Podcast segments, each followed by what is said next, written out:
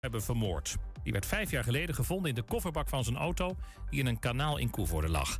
Op gruwelijke wijze was hij om het leven gebracht. De mannen zouden ruzie hebben gehad over een partij drugs. Er zijn al 900 Oekraïense vluchtelingen aan een baan gekomen in Nederland, zegt het UWV. En dagelijks komen daar ruim 100 bij. Bedrijven zijn er blij mee, omdat het in sommige sectoren moeilijk is om mensen te krijgen. Oekraïners aannemen kan makkelijk, er zijn geen papieren voor nodig. En ze willen ook graag werken. Koning Willem-Alexander heeft de Floriade in Almere geopend... en kreeg ook meteen een rondleiding op het terrein van 16 voetbalvelden groot. En morgen mag het publiek naar binnen. De Floriade mikt op 2 miljoen bezoekers en heeft hij ook nodig... want het heeft een hoop geld gekost om alles uit de grond te stampen. En dan nu het weer. Wolkenvelden, een beetje zon en een lokale bui in het zuidoosten vanavond, mogelijk met onweer. 12 graden op Vlieland en 21 in Limburg. En tot zover het ANP-nieuws. Is jouw auto toe aan een onderhoudsbeurt of een APK-keuring? Maak dan nu een afspraak bij Gebroeders van der Mei in Enschede. Of het nou gaat om APK-keuringen, reparaties, bandenopslag of totaalonderhoud. Gebroeders van der Mei leveren vakmanschap, passie en echte service. Je vindt ons aan de Lonnekerbrugstraat 80 in Enschede. Ook ik rij op autobanden van Gebroeders van der Mei. Vind ons aan de Lonnekerbrugstraat 80 in Enschede.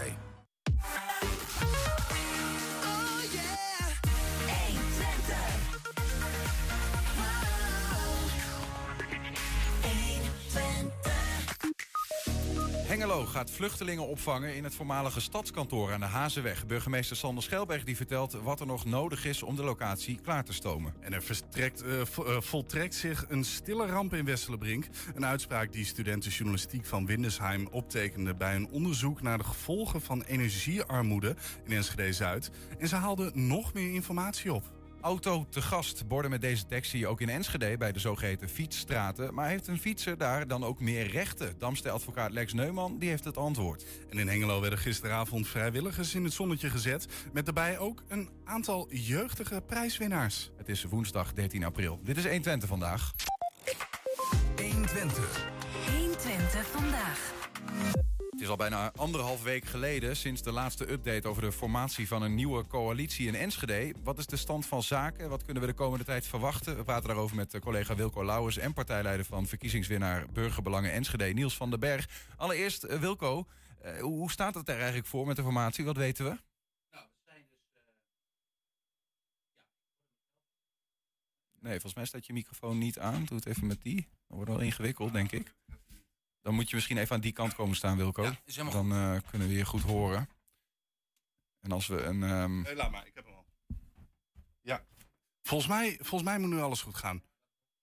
Gaat hij niet? Ja, nu wel. Ja, kijk eens, ja, daar zijn nou, we. Uh, we zijn er. Ja, Hoe stond uh, de formatie ervoor? Dat was de vraag. Hoe staat hij ervoor? Nou, we zijn nu 27 dagen, 18 uur, 3 minuten en 46 seconden onderweg sinds de verkiezingsuitslag. En dat is dus bijna een maand sinds... Um, um, ja, sinds die uitslag er is en Burgerbelang met tien zetels uh, als winnaar uit de bus kwam. En wat is de verwachting? Wat, wat, is, wat is eigenlijk lang, wat is kort als het gaat om zo'n formatieproces? Uh, nou, uh, kijk, in Hengelo zijn ze al zover dat ze al wel, al wel enigszins op een rij hebben dat ze met een vijfpartijencoalitie verder willen. En in sommige andere gemeenten zijn ze al druk aan, aan het formeren. Bij kleinere gemeentes zie dat wel eens. Hè. Maar dat is soms ook wat makkelijker, die verkiezingsuitslag. Wat is, ja, wat is, wat is bijzonder? Nou, laat ik zo zeggen, vier jaar geleden duurde het meer dan 100 dagen. En was Enschede de, uh, de, is, is daarmee de grootste gemeente, uh, of in de categorie grote gemeente, de gemeente waar de uh, langste formatie, het langste formatieproces ooit was. En dat was meer dan 100 dagen. Maar we zitten nu dus nou, al bijna een derde daarvan. Waar, waar zit dat vooral in, denk je? Nou, nee, kijk, het is ook, ook welk proces je kiest. Hè. En net, als vier jaar geleden is ervoor gekozen om vlak na de verkiezingen uh, de uitslag te duiden met elkaar. En vier jaar geleden waren een paar dagen later waren de eerste waren de verkenners, hè, de informateurs. Die werden al aangesteld en die gingen direct bezig met die coalitievorming. En dan wist je eigenlijk al wel uh, welke partijen aan tafel gingen. En toen duurde het nog heel lang, omdat uh, nou ja, eerst met GroenLinks werd gepraat. En toen heel lang met, de, met, met PvdA kwam er toen bij. Mm -hmm. Nu, nu is het proces anders omdat ze eerst een, een raadsakkoord of een raadsagenda, hè, dat je met z'n allen uh, thema's uh, uitkiest waar je uh, met elkaar over eens wil zijn, met de hele raad. heel kort gezegd, eigenlijk kort door de bocht, maar misschien moeten we de Niels ook zo even naar vragen. Mm -hmm. En um, um, de, dus die moeten eerst duidelijk zijn, die thema's, voordat je aan het echte formatieproces gaat beginnen. Dus als ze er eenmaal aan beginnen, dat ze met partijen gaan praten, dat verwacht ik na maandag. Ehm, dan kan het zomaar heel snel gaan. Maar goed, ehm, je begint dan wel pas met het echte inhoudelijke praten. Ja, precies. Dus normaal doe je eerst eh, zeg maar de poppetjes. Kijken welk team je gaat vormen als coalitie. En dan pas de inhoud. En nu kijken ze eerst meer naar de inhoud. Waar zijn we het allemaal over eens? En dan pas wat er overblijft. Daar gaan we poppetjes bij zoeken. Ja, precies. En de echte poppetjes die komen pas helemaal aan het laatst. We hebben het over de wethouderspost. Hè? Maar die komen pas helemaal eh, op het laatst. Zullen we het eens eh, vragen aan de man die nou ja, de nobele taak heeft... om in ieder geval een beetje de kar te trekken in de formatie. dat is de partijleider van Burgerbelangen Enschede. We hebben aan de lijn Niels van den Berg. Goedemiddag. Goedemiddag, man en hallo. Ja, uh, hoe, hoe vind jij het? Hoe staat het ervoor uh, met de formatie? Is het stilte voor de storm of gebeurt er op de achtergrond van alles? Nee, ja, er wordt wel gewerkt natuurlijk. Maar er wordt vooral gewerkt op, uh, op spoor 1. En dat maakt al waarom je van die 27 dagen er al ruim 15 kwijt was aan het traject raadsagenda. Om te kijken hoe ver je daarin kunt komen. Ja, zo'n raadsagenda, Niels, is misschien wel aardig. Je benoemt hem zelf al. Kun je uitleggen wat jij daar, ja, zeg maar als hoofdonderhandelaar hè, eh, van de grootste partij, wat jij daarvan verwacht? Want uh, ja, goed, het is sowieso een beetje lastig. Raadsagenda, raadsakkoord. Wat is nou het verschil en, en wat verwacht je ervan? Nou, bij een raadsakkoord om het verschil heel simpel te duiden. Bij een raadsakkoord dan kom je echt op onderdelen uit en onderwerpen waarvan je zegt, dus raad gemeenschappelijk, 13 fracties unaniem. Dit gaan we doen, dit zijn onze doelen, dit zijn onze ambities, dit is het tijdpad. En daar zetten we een handtekening onder, daar conformeren we ons aan en dat gaat uh, op die manier plaatsvinden. En een raadsagenda is wat algemener. Je hebt dezelfde uh, uh, inspanningsverplichting als individuele fracties. Maar je zegt eigenlijk raadsbreed met 13 partijen. We pakken een paar thema's in het algemeen belang van onze stad en de inwoners. En daar gaan we samen aan werken. En dan het... kunnen beleidsstukken. Ja, ja, zeg maar. maar. Ja, is het sowieso niet een taak van de gemeenteraad en, en van het college om, om die thema's te behandelen? Ja, altijd. Maar je hebt natuurlijk wel te maken met onderwerpen waarop je ook zeg maar uh, de verschillen krijgt op de, bij de verkiezingen. Dat zijn onderwerpen als een zwembad, dat zijn onderwerpen als windenergie. nou, daar hebben jullie natuurlijk van dichtbij allemaal gevolgd. je hebt verschillende standpunten van partijen op het sociale domein. Uh, de, de, woningbouw, sociale wat is, dan heel, wat is dan heel specifiek het verschil wat een, uh, een eventuele raadsagenda maakt ten opzichte van als je die raadsagenda niet hebt? Nou, bij die raadsagenda gaan wij, uh, ga je eigenlijk met 13 partijen aan het sleutelen voor een onderwerp. Pak voorbeelden uit het verslag van de verkennis, dat recent naar buiten is gekomen natuurlijk en ook in die zin nog besproken en helemaal uitgewerkt moet worden door de raad breed.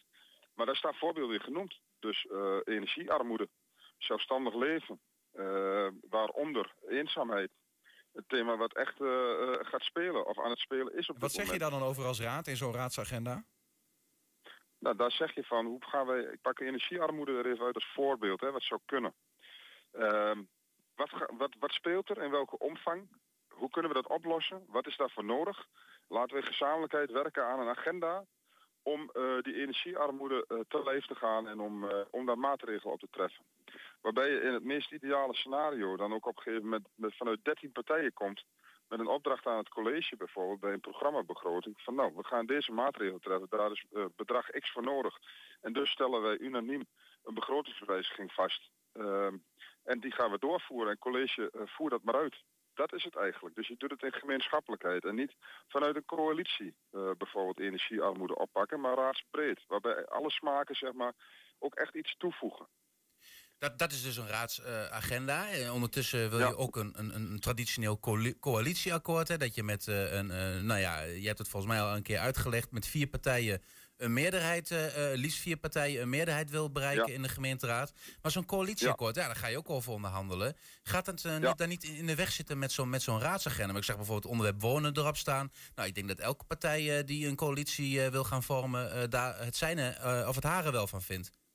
Ja, daarom moeten wij goed in een, ook niet in een debat of een discussie, dat zijn weer termen die dan ook weer tegenwerken waar je naartoe wil. Uh, dus we noemen dat, uh, ik noem dat zelf ook de dialoog. Je gaat de dialoog aan als raad. En je gaat vaststellen welke thema's zitten unaniem over 13 fracties heen. Uh, constructieve houding. En de opvatting om samen aan te gaan werken voor de komende jaren. En op onderdelen misschien ook wel verder naar de toekomst toe. Beleidsmatige stukken die er nog niet liggen. Die bijgeschaafd moeten worden. Herzien moeten worden. Daar ga je mee aan de slag. En, en dat maakt dan dat je die uh, die, die onderwerpen zeg maar, bij de kop pakt, raadsbreed. Waardoor je daar gezamenlijk aan werkt. Maar als, als En, een onderwerp eh, bijvoorbeeld wonen is, dan kun je dus in een coalitievorming niet met elkaar zeggen: we gaan eh, eh, met elkaar afspraken maken op, op, op, het gebied van wonen. Bijvoorbeeld hoeveel sociale huurwoningen we gaan bouwen, even heel simpel Nee. gezegd. Dat klopt, dat klopt. Ehm, dus als je daar niet uitkomt in zo'n dialoog die ehm, de twintigste dus plaatsvindt, twintigste aanstaande, dan eh, kun je dat onderwerp niet opnemen op een raadsagenda. want Daar kom je niet uit. Je moet wel draagvlak hebben van 13 partijen. Ik kan me voorstellen, om concreet te maken, wil ik ook weer dat jij daar goed in zit. Er staat ook genoemd eh, de duurzaamheidsagenda. Neem die op in een raadsakkoord. Of een raadsagenda. Kan dat is dan de vraag. Dan hoef ik jou niet uit te leggen dat je met windmolens zit en dat daar hele verschillende opvattingen over zijn. Nou, maar er zijn ook andere elementen in de duurzaamheidsagenda eh, portefeuille die wel op zou kunnen pakken. Zon op dak. Volgens mij is daar aardig consensus als je hoort hoe de blauwe notities, de blauwe nota's zijn behandeld in de raad de afgelopen jaren. Dan hoor je iedereen zeggen zon op dak, daar is draagvlak voor. Nou, dan kun je dus zeggen van het een komt zelfs in een akkoord op hoofdlijnen en het ander eh zon op dak en besparing, de energiearmoede tegengaan, dat soort zaken, die nemen we op in een raadsagenda. Dat moeten we met elkaar bespreken, de twintigste, om te kijken welke thema's we vaststellen. Ja. En, en, en, en dus, nou, maar maandag is, er- is, er- is er ook al een, eh, of nee, dinsdag hebben we het dan over, hè? Dat is een duidingsdebat weer, hè? Eh, wat gaan we dan horen? Ja, dat, dat is uit mijn hoofd, maar dat heb ik nou niet helemaal. Maar voor mij is het woensdag. Maandag is inderdaad eieren zoeken.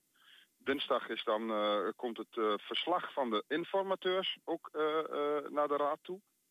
Eh, dus dat betekent het andere spoor om te komen tot een eh, akkoord op hoofdlijnen, tot een coalitie. Ja, dat in hebben verslag staat dus- zeg maar welke partijen met elkaar samen willen. Dat is hun advies. Dat is een advies van de informateurs. Die hebben met 13 partijen gesproken. Die eh, geven daarin hun advies schriftelijk aan. Eh, dit is wat wij adviseren om eh, te gaan verkennen. En tegelijkertijd hebben we dinsdag deel 2. Dat is de raadsagenda. Stel de thema's vast met elkaar. Heb daar het gesprek over en kun je die vaststellen. zodat je daarna de uitwerking krijgt met de raad, raadbreed. En dan ga je zeg maar aan de ene kant ga je dan met 13 partijen onderhandelen over die thema's waar je het allemaal met elkaar over eens wil zijn. Of wa- waar, Ja. waar je het over eens bent dat die aandacht verdienen. En aan de andere kant ga je met, eh, nou ja, wat zullen het, eh, vier partijen, eh, misschien vijf, ga je praten over een, een coalitieakkoord en de wethouders die daarbij horen uiteindelijk. Ja, ja, dat klopt. En die wethouders is wel wat je in de inleiding zei, helemaal aan het einde van het traject. Dat is het minst eh, relevante. Maar het gaat om houding en gedrag, andere bestuurstijl waar wij voor staan. Nou, dan moet je die raadsagenda de volle eh, kans geven. Daar hebben we daar twee weken lang eh, op gewerkt. Daar moet nu de dialoog plaatsvinden. Niet om elkaar de tent uit te vechten, maar juist om elkaar op te zoeken. Waar zijn we het over eens? Welke onderwerpen passen in die raadsagenda? Doe dat ook niet te groot en te omvangrijk.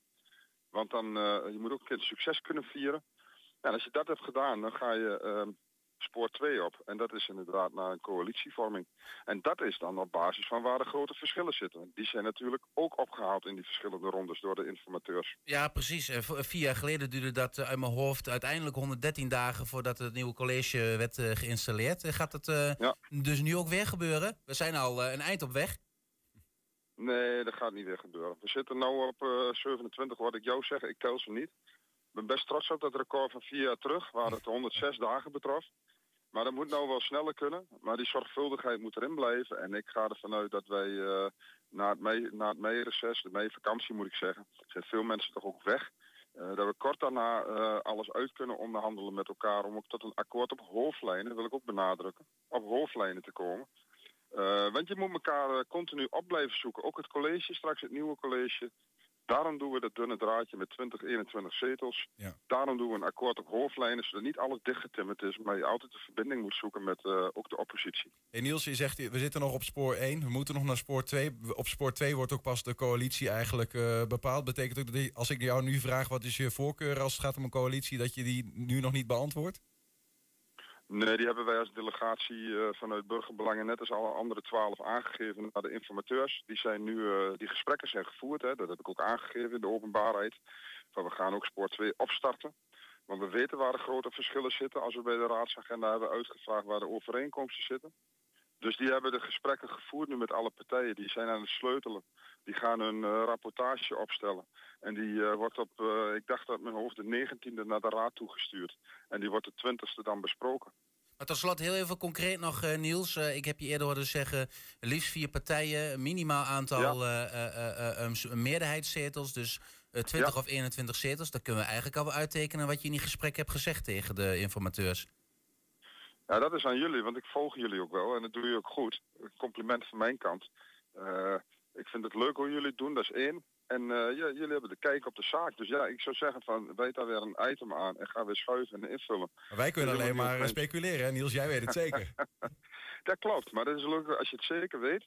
Ik weet trouwens nog nooit wat zeker totdat het ook bevestigd is. Maar als je het zeker weet, dan is het leuk om jullie items te volgen en te kijken hoe je met Wilco aan het schaken bent. Want dan gebeurt er dus dit of dit. Maar eh, in Een het beetje, van, sadistisch eh, vind ik dat wel, Niels. Eh, oh, je laat ons spartelen. Je, terwijl je, je weet het zelf zeker. Nou ja, ik laat jullie spreken. Ik heb er inderdaad wel bewondering voor. Nee, maar goed, ik doe geen recht aan de processen zoals we die zorgvuldig willen doen om een hele raad op één, één lijn te houden en de betrokkenheid.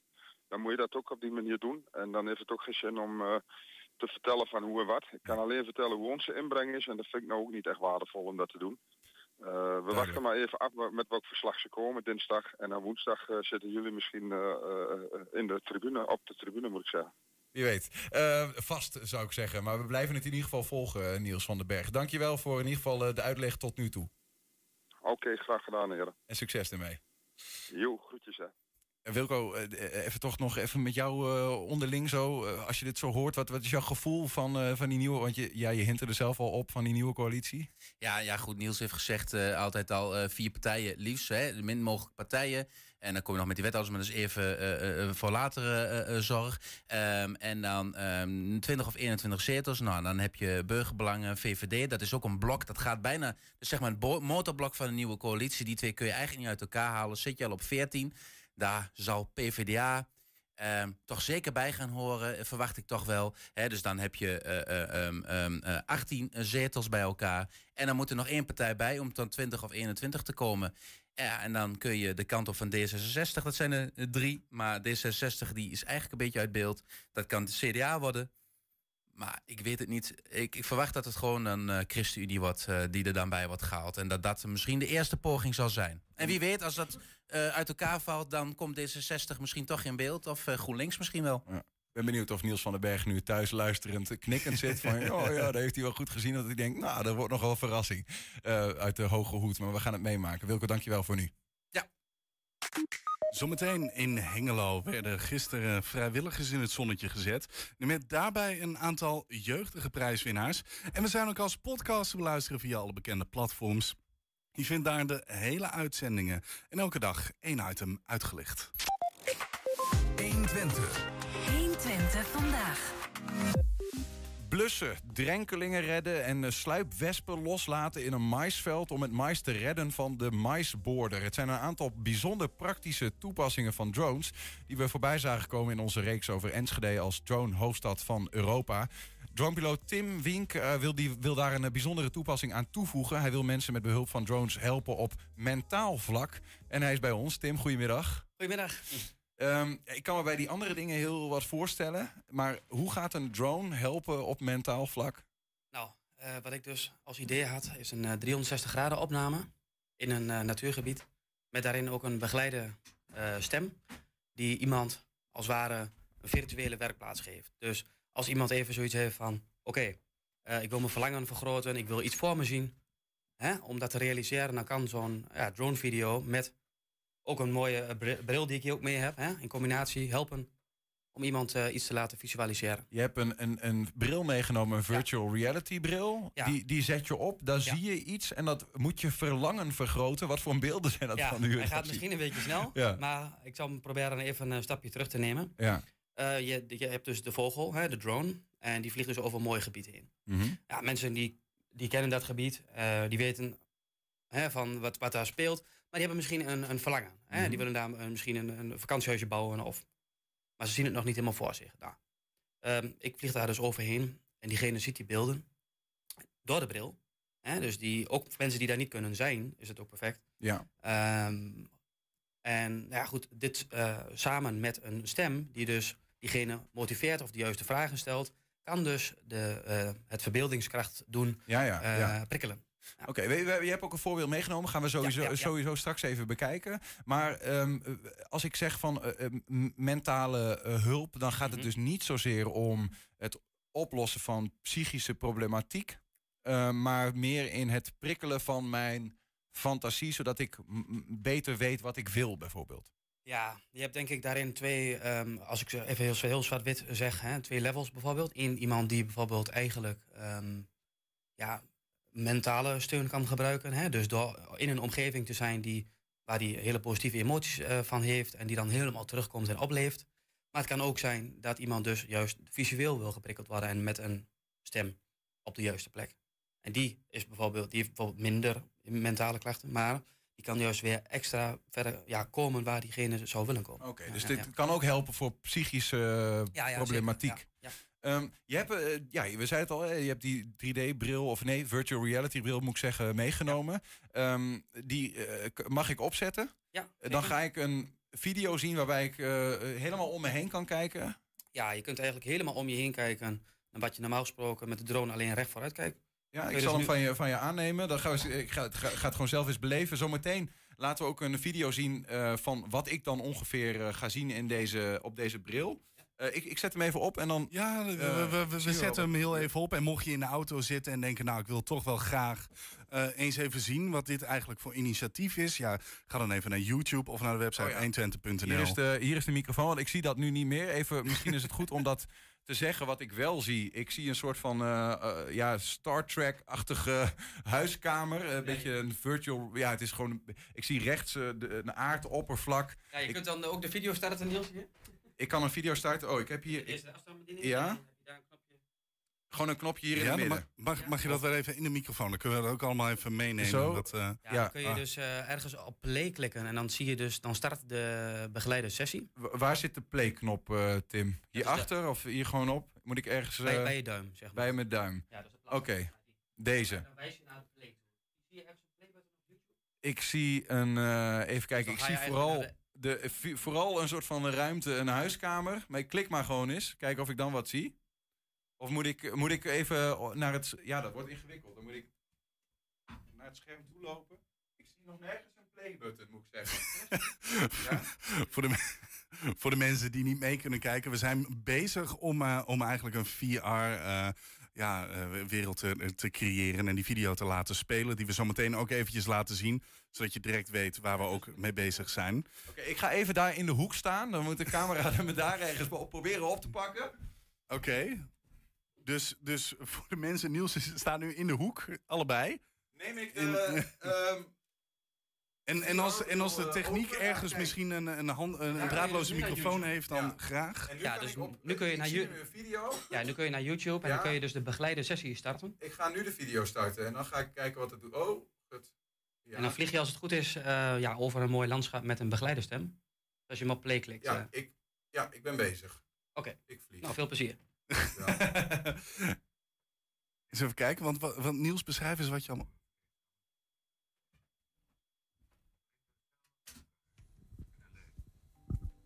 Oh.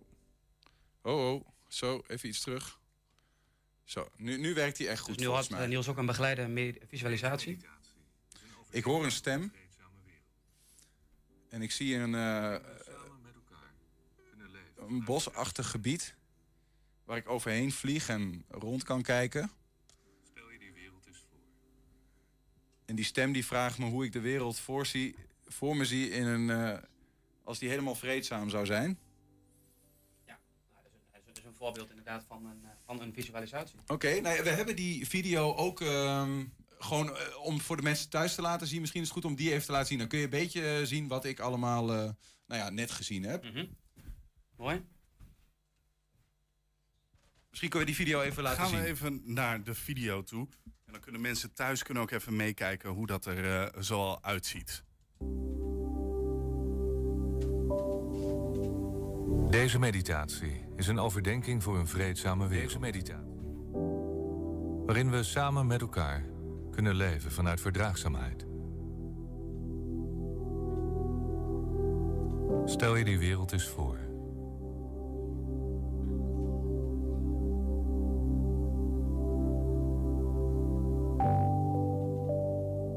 Dus, dit is wat jij zojuist een beetje zag, Niels. Om Ja. even een beschrijving ervan te hebben. Ja, dit, is, dit is wat ik dan om me heen eh, zie gebeuren als Ja. ik zo'n bril op Ja, heb. En dat was de platte versie natuurlijk, maar je kunt dus ook nog de 360 graden versie activeren. En dan kijk je dus helemaal om je, om je heen.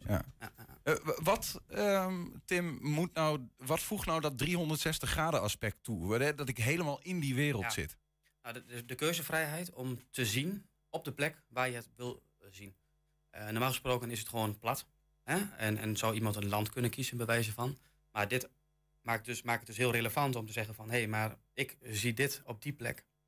Hè, dus je gaat eigenlijk... Dit is natuurlijk een korte versie, 30 minuten. Mhm. Maar in 14 minuten eh, tijd worden dan allerlei vragen gesteld. Ehm, en, en prikkels eh, ook met je audio eh, gegeven. Met een stem dus, wat je ook hoorde. Ja.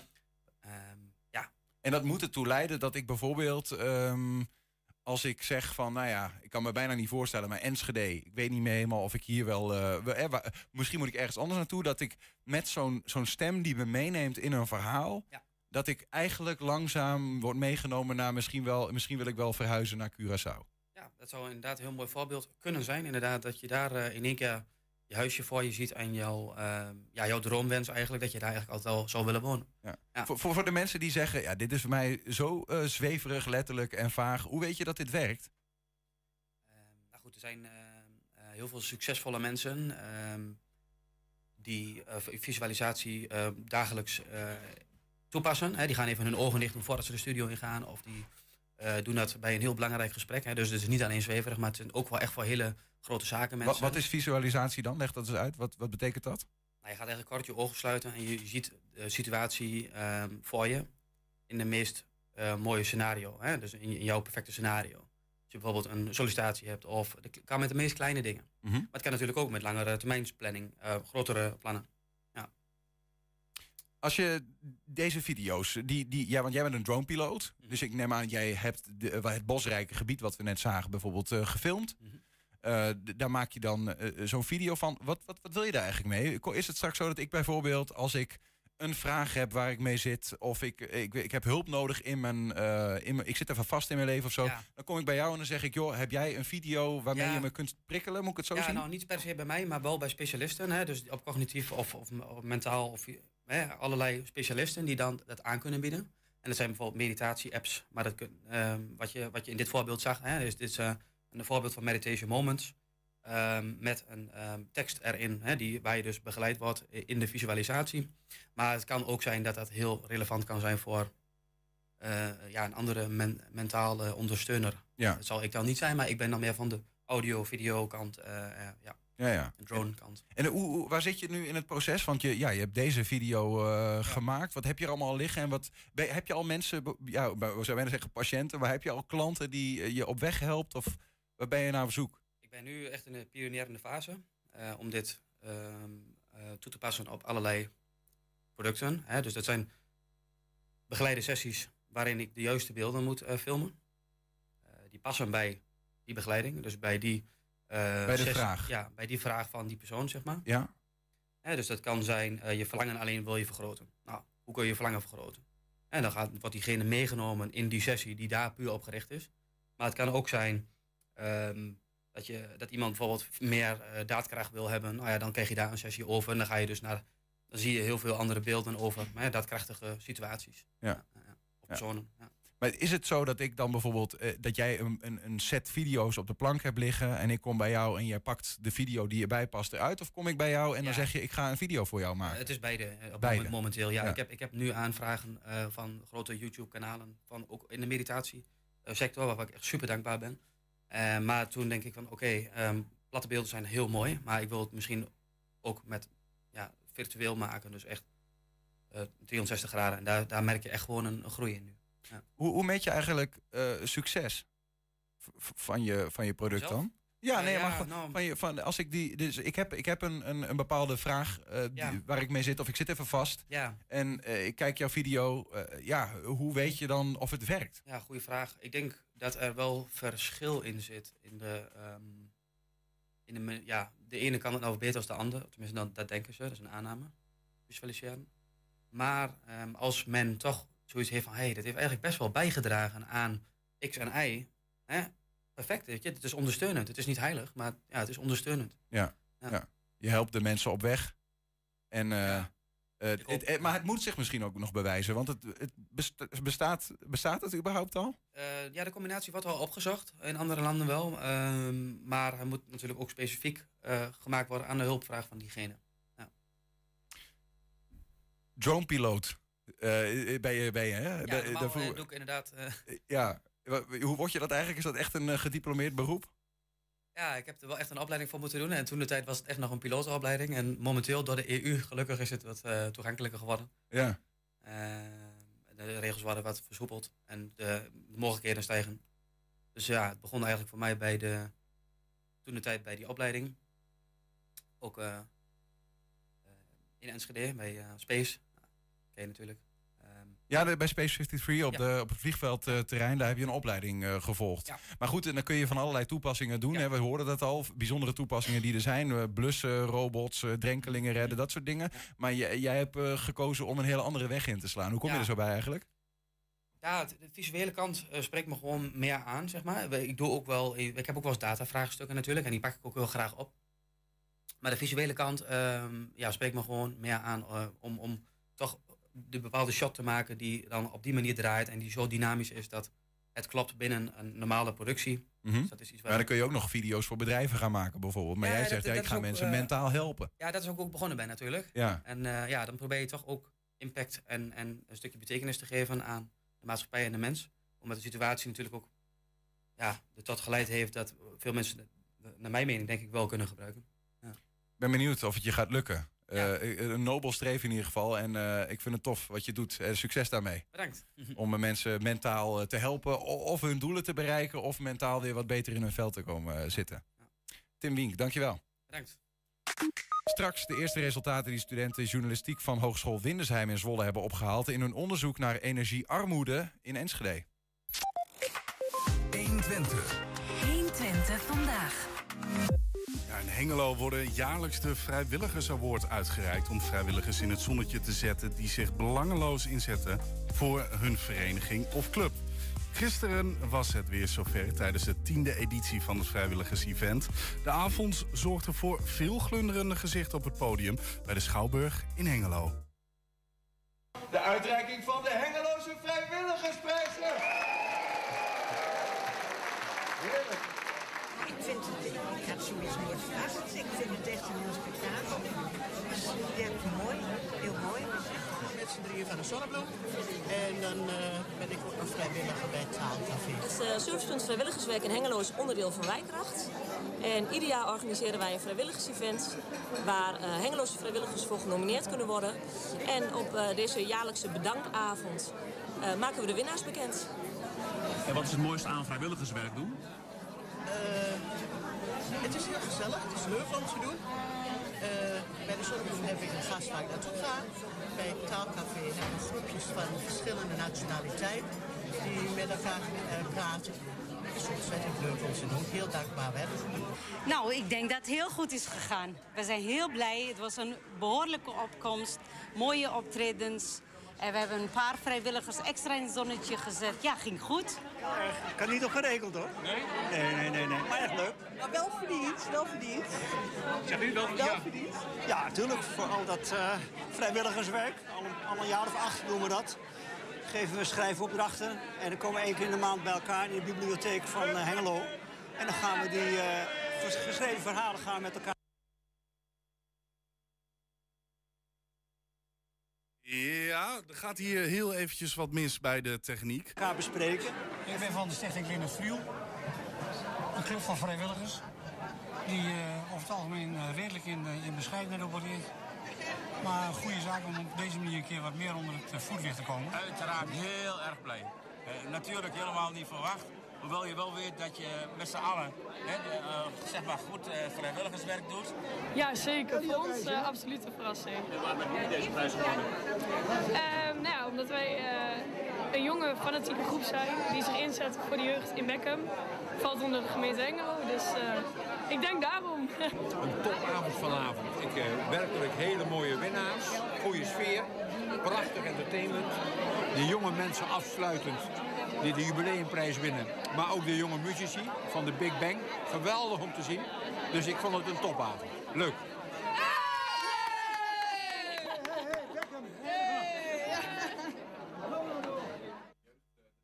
De meiden van de jeugdraad Beckham die er met eh, de jubileumprijs voor 10 jaar vrijwilligersevent eh, vandoor gingen. Ja, mocht je de video zonder pauze willen zien, dan kun je hem altijd nog even vinden op het YouTube-kanaal 120 Hengelo. 120. 120 vandaag.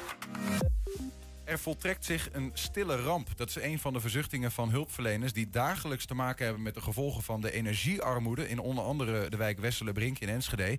Wat diezelfde hulpverleners ook zien is dat er maar heel moeilijk een oplossing is te vinden voor de mensen die hun energierekening amper of nauwelijks kunnen betalen. Uitstel van betaling of misschien de gang naar de voedselbank is zo'n beetje de enige verlichting die ze kunnen bieden. Eh, we praten erover met de collega Henk ten Harkel. Henk, goedemiddag. Goedemiddag. Ehm, jij begeleidt onder meer eh, een aantal studenten van journalistiek eh, Windersheim... die onderzoek doen naar energiearmoede in de Wesselenbrink. Um, wat, wat is daar aan de hand in die wijk? Nou ja, zoals de hulpverleners al zeggen, um, er voltrekt zich een stille ramp. En volgens de hulpverleners die wij spreken... zouden er duizenden mensen in de Wesselenbrink last moeten hebben... op een of andere manier van die energiearmoede. en last is dan misschien wat... Uh, wat, wat eufemistisch woord voor uh, dat ze eronder doorgaan. Is, is de Wesselenbrink daarin anders dan andere wijken? Nou, Wesselenbrink, daar heb je nou juist veel inwoners die, um, nou laten we zeggen, met weinig geld moeten rondkomen. Mm -hmm. Dat is een van de wijken in Enschede waar, um, um, nou ja, waar dit soort armoede uh, toeslaat. Heeft te maken met uh, hoe de huizen eruit zien. Heeft ook te maken met het uh, gemiddelde inkomen van van de bewoners van de Westelenbrink. Nou, dat is zo uit mijn hoofd 17.555 euro. Terwijl het landelijk gemiddelde ligt op 30.000. Dus daar zit al een heel groot verschil in uh, wat de mensen daar gemiddeld ook werkelijk uh, in huis krijgen. Ja. Daarover gesproken, um, ik begrijp laatst uh, van iemand die weer iemand kent in een flat in de Westelenbrink uh, van een woningcorporatie. En dan zegt ja, daar is gewoon enkel glas en het, het, waait daar bijna door de huizen heen. Ja. Dat helpt dan ook niet mee natuurlijk. Nou ja, je ziet in dit soort wijken, we hebben, we hebben een voorbeeld, we wilden een voorbeeldwijk hebben. Een wijk waarin het echt toeslaat. Wat we willen is bij mensen zo'n beetje naar binnen kijken en denken, hoe komt dat nou? En wat leiden ze er nu aan? Wat voor problemen hebben ze er nu mee? Mm -hmm. uh, nou, een van de problemen is, en dat zeggen ook hulpverleners, die zeggen: ja, eigenlijk. Uh, waar we wat aan moeten doen is aan de isolatie van de huizen. En, en we moeten zorgen dat de warmte ook werkelijk binnen blijft. Op zich is dat natuurlijk een mooi streven als je dat als oplossing kiest. Maar dat is een oplossing voor, uh, voor de lange termijn. Want nu zijn die huizen nog zo dat uh, ja, je zou ze doortochtwoningen kunnen noemen. Uh, waarin de, de warmte niet binnen blijft, maar je je ongeluk moet stoken om de warmte in het huis te houden. En dat isolatieproces om dat huis goed te isoleren, dat heeft tijd nodig als je al die huizen wil aanpakken. Ja, is dat wat je zegt? Ja, precies. Want ik, ik, wij hoorden van een, van een hulpverlener die we gesproken hebben, die zei: Ja, nou eigenlijk is een hele goede oplossing. Is als de woningbouwverenigingen massaal gaan isoleren. En de eigenaar, als je, als je een woning in eigendom hebt, dat je ook je best gaat doen om de warmte binnen te houden. Mm -hmm. Maar ja, dat is niet iets waar je nu mee geholpen wordt. Nee. Terwijl... Wat, waar wel nu mee geholpen wordt, zijn die, uh, die compensatiebedragen. Hè? Dus 800 euro vanuit het Rijk. Ja. Uh, dat zet geen zoden aan nee, dus, uh, dat, ik, ik, wil niet zeggen dat een druppel op de gloeiende plaat is, maar wel zoiets. Normaal gesproken, um, en kijk, de Wesselbrink heeft, heeft ook de pech, denk ik, dat het grote deel van de Wesselbrink is aangesloten op het, het warmtenet. En dus die zitten vast. Je kunt niet met, er is niemand die daar met lange contracten kan werken of uh, buiten de boord valt, uh, buiten de boot valt. Uh, als het om die prijsverhogingen gaat. Iedereen zit vast aan het warmtenet daar. En dat betekent dat een verhoging gemiddeld 88% is. Ja. Dus in mijn geval, ik woon daar ook in die buurt. zou je kunnen zeggen, nou, ik heb een gemiddelde verbruik van 120 euro en ik heb een geïsoleerde woning. 120 euro per maand aan, aan warmte. Dat besteed ik aan uh, En Natuurlijk. En tot mijn schrik zag ik dat ik uh, 220, 230 euro nu moet gaan betalen. Dat is voorschotbedrag. Bijna een verdubbeling. Ja, dat is bijna een verdubbeling. En ja. nou... En dan zit je ook nog zeggen, in een goed geïsoleerd huis. En dan zit ik nog in een goed geïsoleerd huis. De meeste mensen in de Westerbrink hebben niet mijn omstandigheden. Ik, ik, wat voor ik, bedragen hebben we het over dan? Wat, wat betalen nou sommige ja, mensen uh, wat je nu leest en hoort is dat mensen 2 tot 3000 euro moeten betalen jaarlijks voor de energievoorziening. Nou, dat is, eh, ehm, ehm, dat is een slok op de borrel. En dan is 800 euro is wel mooi dat je dat krijgt. Mhm. Maar ehm, iemand die met 50 of 60 euro per week rondkomt, die kan die, eh, eh, die 800 euro wel gebruiken. Maar, maar, maar Ja, nee, dus het is niet genoeg. Dat betekent dus dat, dat of eh, de rekening wordt te hoog en ehm, nou ja, eh, mensen raken en- in, in, en- en schulden. Ja. Of, of ze zetten de verwarming eh, uit. Nou ja, wat, eh, die, gebeurt er eigenlijk? Ja, die verhalen die, die horen we nu. Eh, het is erg moeilijk om mensen aan de veren te komen die hun verhaal willen vertellen. Mensen zijn nog wel bereid om het eh, eh, anoniem te doen. Maar met naam en toenaam of eens een keer een video te maken van wat is er nou bij u thuis aan de hand, vinden ze erg moeilijk. Eh, maar nu hebben we langzamerhand een aantal verhalen die, die boven tafel komen.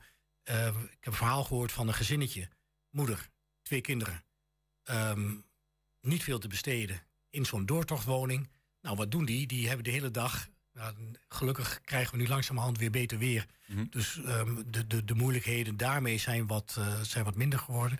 Maar in de koude periode gingen ze, ging de verwarming uit.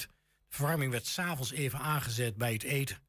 En daarna dikke truien aan en met, eh, eh, ehm, voor de televisie met een, eh, met een deken om. Ja. En een hulpverlener die daar eh, langskwam, die zei van, nou dan, als je daar eenmaal bent geweest, weet je wat dat inhoudt. Dat betekent dat je echt in en in koud weer naar huis gaat en, en, en bezig bent om ja, eigenlijk te overleven.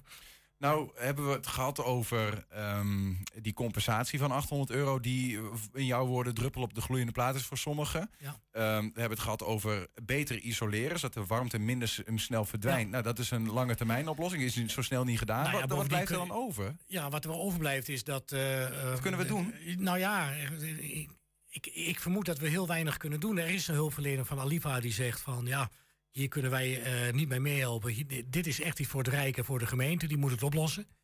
Nou, ik moet zien, ze doen hun best. Maar er is gewoon geen geld voor om het allemaal op te lossen, denk ik. Eh, dan is er iemand die zegt, eh, nou ja, de oplossing is isoleren, isoleren, isoleren. Ja, dat is mooi. Maar de mensen die het betreft, die hebben het geld niet om een woning te isoleren. En als woningbouwverenigingen dat moeten doen, dan duurt het drie korte en drie lange voordat het voor elkaar is. Omdat er te veel huizen zijn die... Ja, die moeten dus een plan maken of een project maken. Die moeten het inkopen. Ja, probeer het allemaal maar eens binnen eh, een paar maanden voor elkaar te krijgen. Gaat niet lukken. Ehm, dus dat is, een dat is een oplossing voor de lange termijn. Als je dat al voor elkaar kunt krijgen. Derde oplossing is, ja, we moeten liggen des hel, zegt dat bijvoorbeeld in, eh, in de Westerbrink.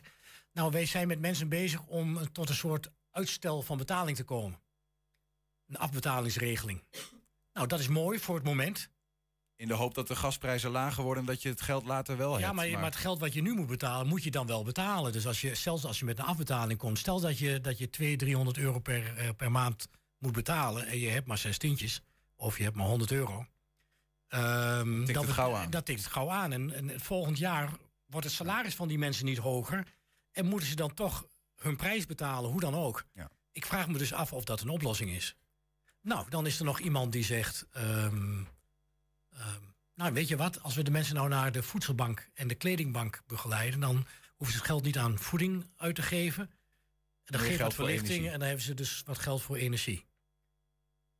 Nou, ehm, als het om, inderdaad om duizenden gaat, dan, zie, dan denk ik dat de, voedsel, de, de mensen van de voedselbank denken van ik zie ze allemaal aankomen, daar hebben we geen voeding genoeg voor. Nee, nee. Ja, daar hoorden we natuurlijk gisteren eh, Evelien van Hatten van eh, Stop Armoede eigenlijk ook al zeggen. Dat ze het ziet toenemen. Ehm, De nood in Enschede. Maar eh, kortom, Henk, je hebt geen... ehm, dat is geen vrolijk hebt- bericht. ja, nee, je hebt, je hebt het ei van Columbus niet bij je. Nee, dat, dat, dat- dus ik ben heel benieuwd. A, ben ik nog benieuwd van hoeveel bewoners krijgen we nog te spreken die misschien zelf oplossingen verzinnen. En ik ben er bang voor dat die oplossing bestaat uit we gaan op de bank zitten en doen de deken om. En dat is het dan. En heel kort douchen en zorgen dat we zoveel mogelijk, zo min mogelijk energie verbruiken. Ik denk dat dat eh, de, de meest gekozen oplossing is. En ik hoop dat experts of woningbouwverenigingen of gemeenten in de bres gaan springen en zeggen: nee, ja, dat moeten we toch regelen. Linksom of rechtsom. Gelukkig komt de zomer eraan voor Ja, dat is fijn. Dat is positief. Henk ten Harkel, dankjewel. Graag gedaan. Zometeen Hengelo gaat vluchtelingen opvangen in het voormalige stadskantoor aan de Hazenweg.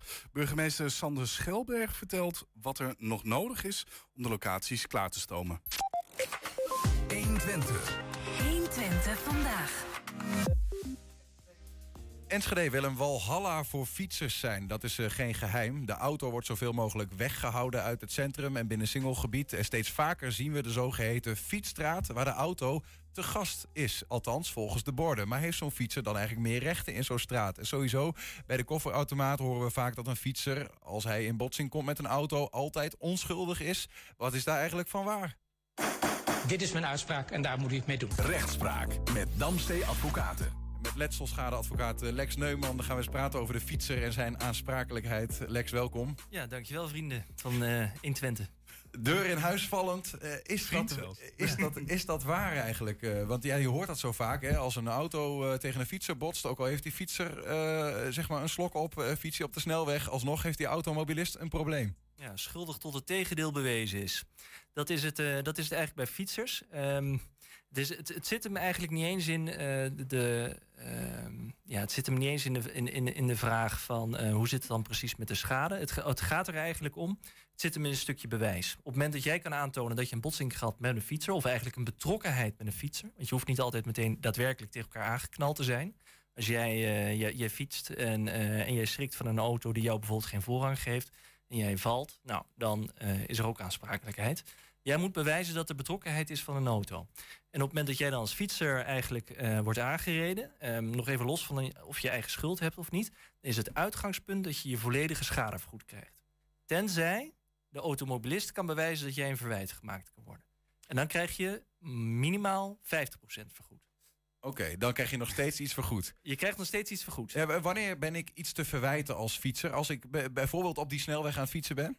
Ja, dat, dat zou ik misschien zelfs nog echt wel eens een uitzonderingssituatie noemen... waarbij je kan spreken van overmacht. Dan krijg je niks. Ja, ja. Dus uh, denk bijvoorbeeld aan opzet. Uh, maar goed, dan moet er echt, echt overmacht zijn. Dus als jij, uh, laat ik zeggen, heel bewust zo roekeloos bent dat werkelijk de automobilist er niets aan kon doen, dan gaat hij vrij uit. Maar het is dan, dan is het 0%, anders is het 50% als je dus wel iets te verwijten valt. Dus denk bijvoorbeeld als je door rood fietst ja, goed, dan, heb je, is je wel, uh, dan, dan valt jij wel een verwijt te maken. Alleen die automobilist die moet aantonen dat jij de rood bent gefietst. Ja, en ook als ik bijvoorbeeld een slokje op heb of zo... en ik, ik zwalk uh, van het fietspad af, wordt aangereden... Dan, en dat kan bewezen worden, dan moet ik alsnog... als fietser heb ik 50% uh, van ja. de schuld, om het zo maar te zeggen. Zo is het. Want het is ook eigenlijk het, gewoon het, het hele uitgangspunt is als automobilist... Um, um, accepteer je het gevaar dat jij bent per definitie als automobilist.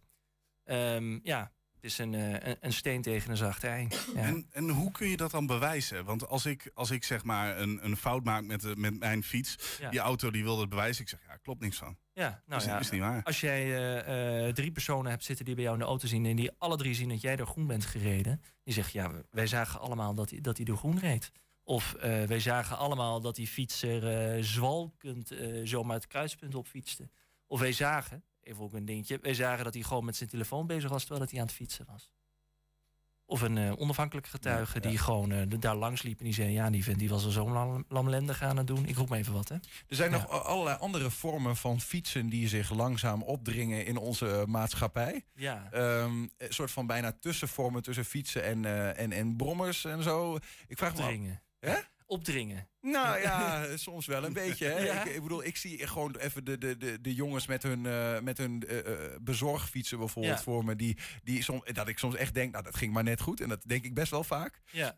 Um, uh, in hoeverre, ze, ze, ze, wat is de juridische status eigenlijk van een fietser ten opzichte van een, een elektrische fiets of de speed pedelec die we ja. zien en dat soort dingen? Nou, speed pedelecs zijn al sowieso al een beetje een verhaal apart, want je moet je ook apart verzekeren. Uh, dus dan moet je al snel een beetje denken aan bijvoorbeeld dezelfde status als een, uh, bijvoorbeeld een scooter.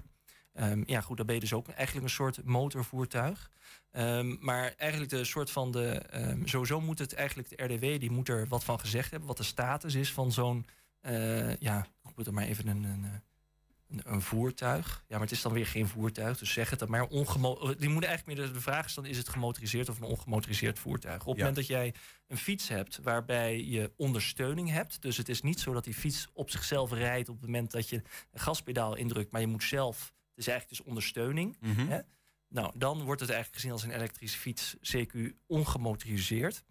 Is het zo dat hij echt uit zichzelf kan, ja, dan kom je dus al eigenlijk al in de sfeer van gemotoriseerd. Ja, ja. En dan dus verandert- niet die rechten. Verandert dat 50% recht waar je het net over had? Exact, ja. En, ehm, ehm, en dat, dat zit hem dus niet. En dan, dan gaat het dus ook echt. ehm, ja, goed, dan, dan, dan sta je dus ook weer eigenlijk gewoon weer gelijk. Ja, dan, dan kan je dus echt een probleem hebben.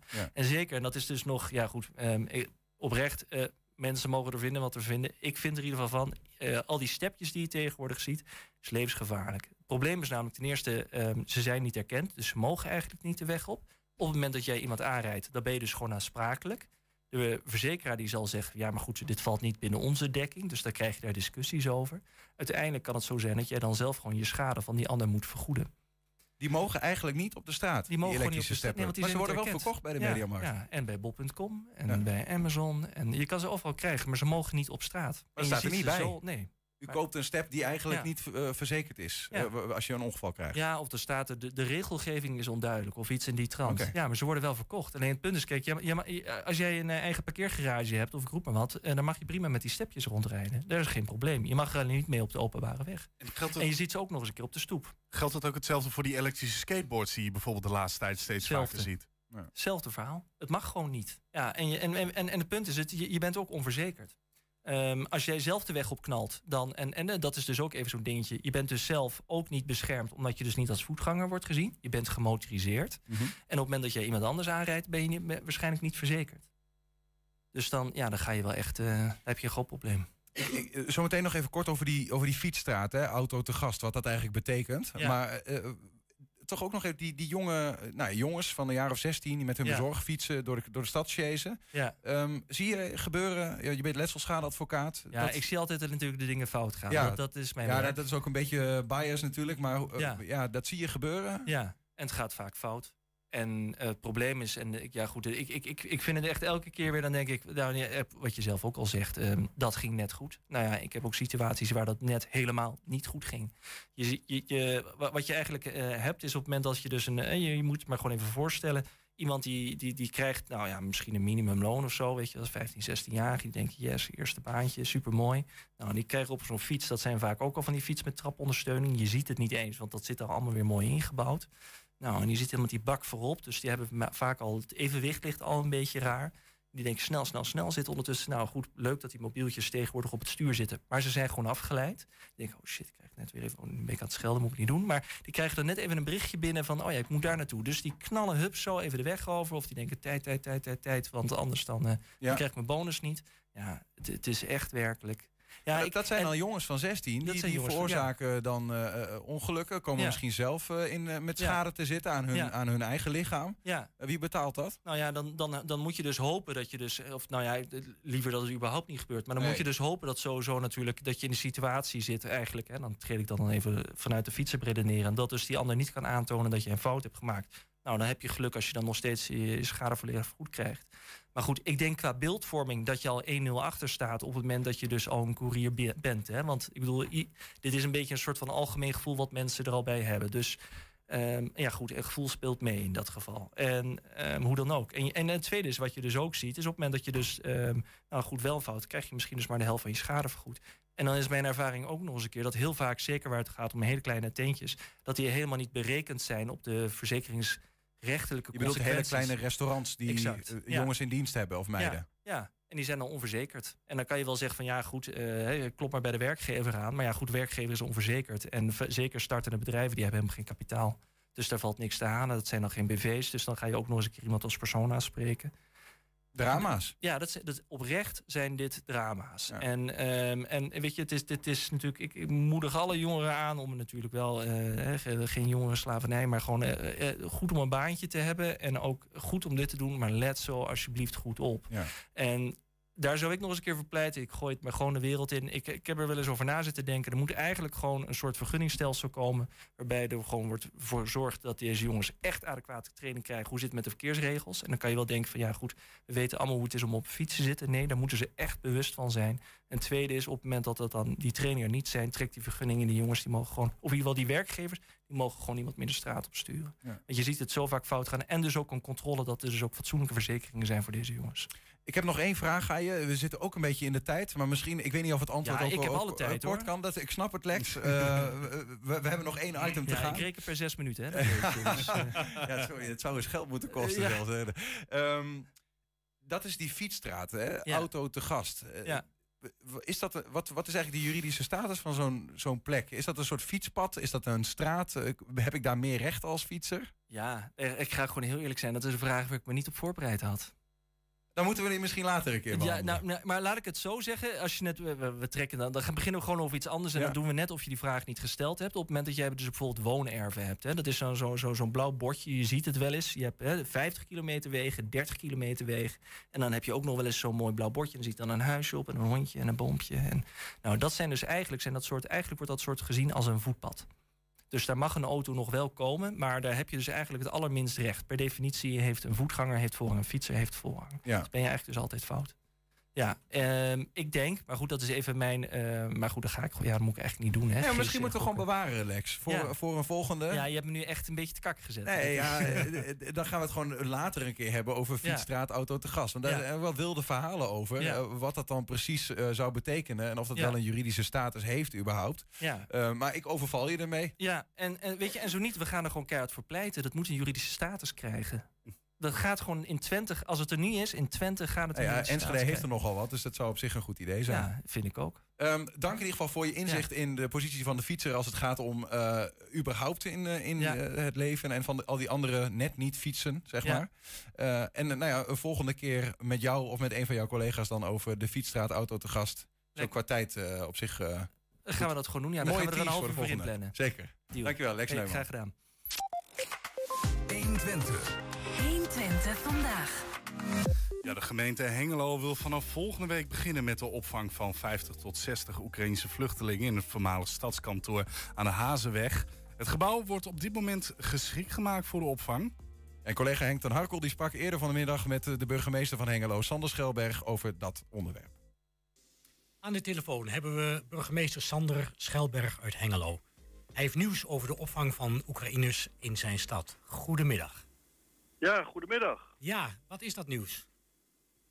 Nou ja, het nieuws, eh, het nieuws is misschien dat het concreet wordt. Wij gaan eh Oekraïnse vluchtelingen opvangen aan het voormalige stadskantoor aan de Hazenweg in Hengelo. Wij beginnen daar met 50 à 60. Die gaan we goed opvangen. En dat gaan we vooral eh, eerst ietsje kleiner doen dan straks ruim 200. Om ook goed te zien hoe dat gaat, waar de kinderziektes eruit zitten... en hoe we dan straks ook de andere mensen eh, kunnen gaan opvangen. Goed, een van de vragen was inderdaad, blijft het bij die 50, 60? En u zegt daarvan nee, dat wordt het er meer. Ja, het is eigenlijk een beetje de bedoeling om met die 50, 60 eh, te kijken hoe het gaat. Bij te kunnen stellen om dan straks de ruim 200, eh dacht zelfs tot 250 mensen op te kunnen vangen. Eh, lag het voor de hand dat Hengelo dit zou gaan doen? Ja, nou in die zin, kijk, we gaan in Twente eh, gezamenlijk 2000 eh, eh, mensen opvangen. Dan, gaat er, dan gaan we zelf allemaal kijken in de verschillende gemeenten. Waar kun je dat doen? En de Hazenweg lijkt daar geschikt voor, althans geschikt voor te kunnen maken. Ja, dat is het grote voormalige stadskantoor dat leeg staat. aan de A1. Dat staat leeg en dat gaan we dus voor tijdelijke huisvesting gereed maken. En daar zijn we nu hard mee bezig. Heel veel medewerkers zijn er nu heel hard mee bezig. Om te zorgen dat dat allemaal eh, redelijke kamers kunnen worden. Ja, wat moet er allemaal gebeuren? Ja, wat moet er niet gebeuren zou ik bijna zeggen. Kijk, het is een kantoorgebouw waarbij je natuurlijk van de verschillende kamers wel een woon- of een slaapkamervorm van kunt maken door daar bedden in te zetten. Maar uiteraard moeten er ook douches komen. In dit geval zal dat ook buiten gebeuren. Kun je op een hele nette manier eh, doen. Ehm, ja, je moet het de boel inrichten. Eh, we hebben spullen nodig. Eh, ja, ja, alles wat je maar kunt bedenken. En, en is het- hoe, hoe, ehm, in hoeveel tijd moet dit nu geregeld worden? In een hele korte tijd. De opdracht was om eind volgende week eh, de mensen te kunnen ontvangen. En daar, zijn men, daar is men nu een, eh, nou, een kleine anderhalf, twee weken mee bezig om te zorgen dat het ook kan. Dat is een helft job, maar ik wil me ook eh, zorgen dat het, ja, dat het gaat lukken wat we met elkaar hebben afgesproken. Ja, wat is dat toch met Hengelo? Want als ik me goed herinner, jullie waren ook een van de eerste in Twente althans... die zich met eh, Afghaanse en Syrische vluchtelingen bezig hielden. En dat er ook heel vlot een, eh, een onderkomen voor was. Nu dit weer. Ehm, Ja, nou de stemming is wel zodanig in de hele stad en ook in de gemeenteraad politiek... dat men zegt als het nodig is, dan moeten we ervoor staan. We zijn een stad hebben de faciliteiten en de, en de kansen en we hebben ook goede ervaringen mee. We hebben al eh, sinds 2015 een AZC, eh, de Havenzaterlaan, waarbij we in goede harmonie met de buurt eh, mensen eh, opvangen. Ehm, eh, zo hebben we dat ook in de Willemstraat eh, gehad. Eh, we hebben dat tijdelijk gehad, daar uiteraard op het, ja, voor vier weken lang. Voor 100 mensen, dat heeft heel veel van ons gevraagd. En wij zien nu dat, ehm, nou ja, dat we wederom die gastvrijheid kunnen aanbieden. Lag het voor de hand dat het in dat gebouw zou plaats hebben? Of hebt u nog andere locaties bekeken? We hebben ook andere locaties en ook in het nieuws geweest. Dus de, de, de, woningen aan de Mariastraat die afgebroken zullen gaan worden in 23... die zullen nu ook omgezet worden in de tijdelijkheid om daar ook eh, te bieden. Dus we zijn daar met, ik dacht uit mijn hoofd, zo'n 50 tot 80 mensen... eh, komen in die eh, tijdelijke woningen en de havens en de, en de, de Hazenweg. Ja, dat kan dan eventueel iets langer. Ja, en, en u hebt ehm, een oproep gedaan aan alle vrijwilligers van Hengelo om te helpen. Ja, nou gisteren heb ik dat inderdaad bij het vrijwilligersevent eh, gedaan. Omdat we echt eh, nadrukkelijk willen zorgen dat mensen ook voor in hun zorg en in, in hun, gewoon in welkom eh, begeleid worden. Ik heb echt veel mensen nodig die enkele uren per week of enkele dagdelen per week die zorg en aandacht kunnen geven. Dat betekent soms het eten uitserveren. Dat betekent soms meegaan op, op den duur naar dokters als ze naar de dokter moeten. Over een paar weken heb ik mensen nodig voor sport- en spelbegeleiding. Met andere woorden, ik heb heel veel mensen nodig die eh, voor de zorg en aandacht voor deze mensen wat kunnen betekenen. Ik hoor ook veel mensen die zeggen, ik wil wat graag wat doen burgemeester, maar kan ze niet thuis opvangen. Nu is de kans, nu kan men wat eh, doen daarin. Ja, ehm, hoeveel hebt u er al? Nou ja, er zijn, er zijn heel wat vrijwilligers, maar mijn medewerkers gaven aan. We zitten nog niet in de roosters vol. Je moet ook niet vergeten dat ja, zeven dagen in de week en dan loopt het door. Dus op een gegeven moment heb je uiteindelijk vrij veel mensen nodig. Sommigen voor enkele uren zijn er ook bij die eh, meerdere dagen aangeven. Dus de roosters zijn nog niet dicht. En daarom eh, moeten we daar nog wat vrijwilligers voor hebben. En, en waar kunnen die zich melden?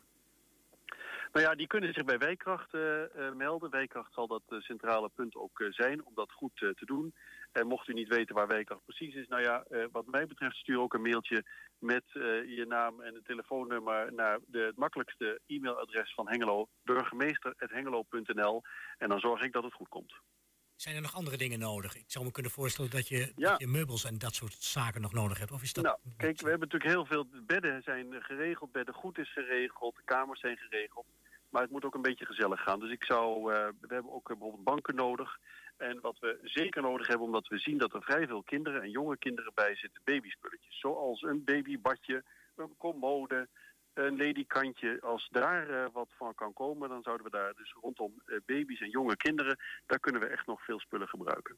Is, is het nou zo dat jullie al weten ehm, eh, wie er komt? Nee, maar we weten wel de samenstelling, niet precies wie, hè, welke, welke persoon. Maar we weten wel heel duidelijk wat de samenstelling is van vluchtelingen die vanuit Oekraïne nu binnenkomt.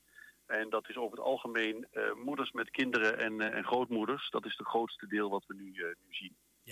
Ehm, wanneer komen ze binnen? Nou ja, ze zijn natuurlijk in, eh, in, eh, in Nederland al uitgebreid binnen. Maar wij, eh, de opdracht is om eind volgende week die 50 tot 60 mensen volledig te kunnen opvangen. En dan zullen wij ook kenbaar maken aan het landelijke verdeelpunt om te zeggen wij kunnen eind volgende week, kunt u die mensen sturen. Ja, ik kan me voorstellen dat je ook nog andere hulp nodig hebt. Is, eh, Sociaal-psychologische hulp bijvoorbeeld. Is, is dat Ja, de, ook? profession, de professionele hulp, die, er is goed overleg met huisartsen, anderen, eh, daar waar ook misschien eh, trauma's eh, nog zijn. Dat wordt op een professionele manier gedaan. Ja, misschien dat er mensen zijn. Ik heb ook tolken nodig. Wat dat betreft zijn tolken altijd schaars. Maar gisteravond meldde zich al spontaan iemand, een tolk, en die zegt, ik kan u ook helpen en ik ga dat ook doen. Oké, en, en als je het allemaal overziet, moet dit, heb ik goed begrepen, binnen twee weken voor elkaar zijn. Vrijwilligers moeten zich dan gemeld hebben. Eh, er zijn allerlei mensen nodig die allerlei takken van dienstverlening voor de Oekraïners eh, ga, ga- gaan, ga- ermee gaan werken. Ja, en bied jezelf ook aan als je zegt, ik kan dit. En misschien eh, komt het niet uit, maar meestal wel. En dan zoeken we er gewoon een activiteit bij. Het is een, nog een, nou ja, een ruime week, niet eens twee weken, dat we klaar moeten staan. En over enige tijd gaan we ook sport en spel en, en andere recreatie doen we nadat mensen eenmaal gehuisvest zijn. Dus ook dat kan over enkele weken, eh, kunnen we daar heel veel mensen voor gebruiken. Om te zorgen dat we de juiste aandacht geven aan al die mensen. Probeer je ook nog ehm, om mensen eh, in de gemeenschap op te vangen? Dat wil zeggen wat meer te doen nog dan eh, ze alleen maar opvangen in een gebouw of ook nog bij veren- verenigingen onder Nou ja, kijk, dat is, net, dat is precies wat ik bedoel met zorg en aandacht. Ehm, eh, we, we- we kunnen ze opvangen, dat gaan we doen. We zorgen voor een natje, een droogje in die zin. Maar we moeten uiteindelijk die mensen ook een, eh, ja, een echt een dagbesteding geven. Ik noem dat even makkelijk zorg en aandacht. Maar dat gaat natuurlijk breed, van sport en spel, maar ook gewoon te zorgen. Ja, verken even de gemeente en probeer ook ja, je zinnen te verzetten. En probeer ook eh, ja, een klein beetje in die samenleving te gaan. En misschien is er zelfs wel eens behoefte aan werk. Ja, daar zullen ook eh, werkgevers op, op uitkomen. Ja. Goed, wij gaan het volgen. Hartelijk dank voor, voor even dit interview en ik wens u veel succes. Dankjewel. Tot kijk, dag. Dag. Tot zover 120 vandaag. Terugkijken, dat kan direct via 120.nl. En vanavond om 8 en 10 op televisie te zien. Dank Niels. Zometeen hier op de radio Henk Ketting met een gloednieuwe kerstreactie. Veel plezier en tot morgen. 120. Weet wat er speelt in Twente. Met nu het nieuws van 5 uur. Goedemiddag, ik ben Robert-Jan Knook.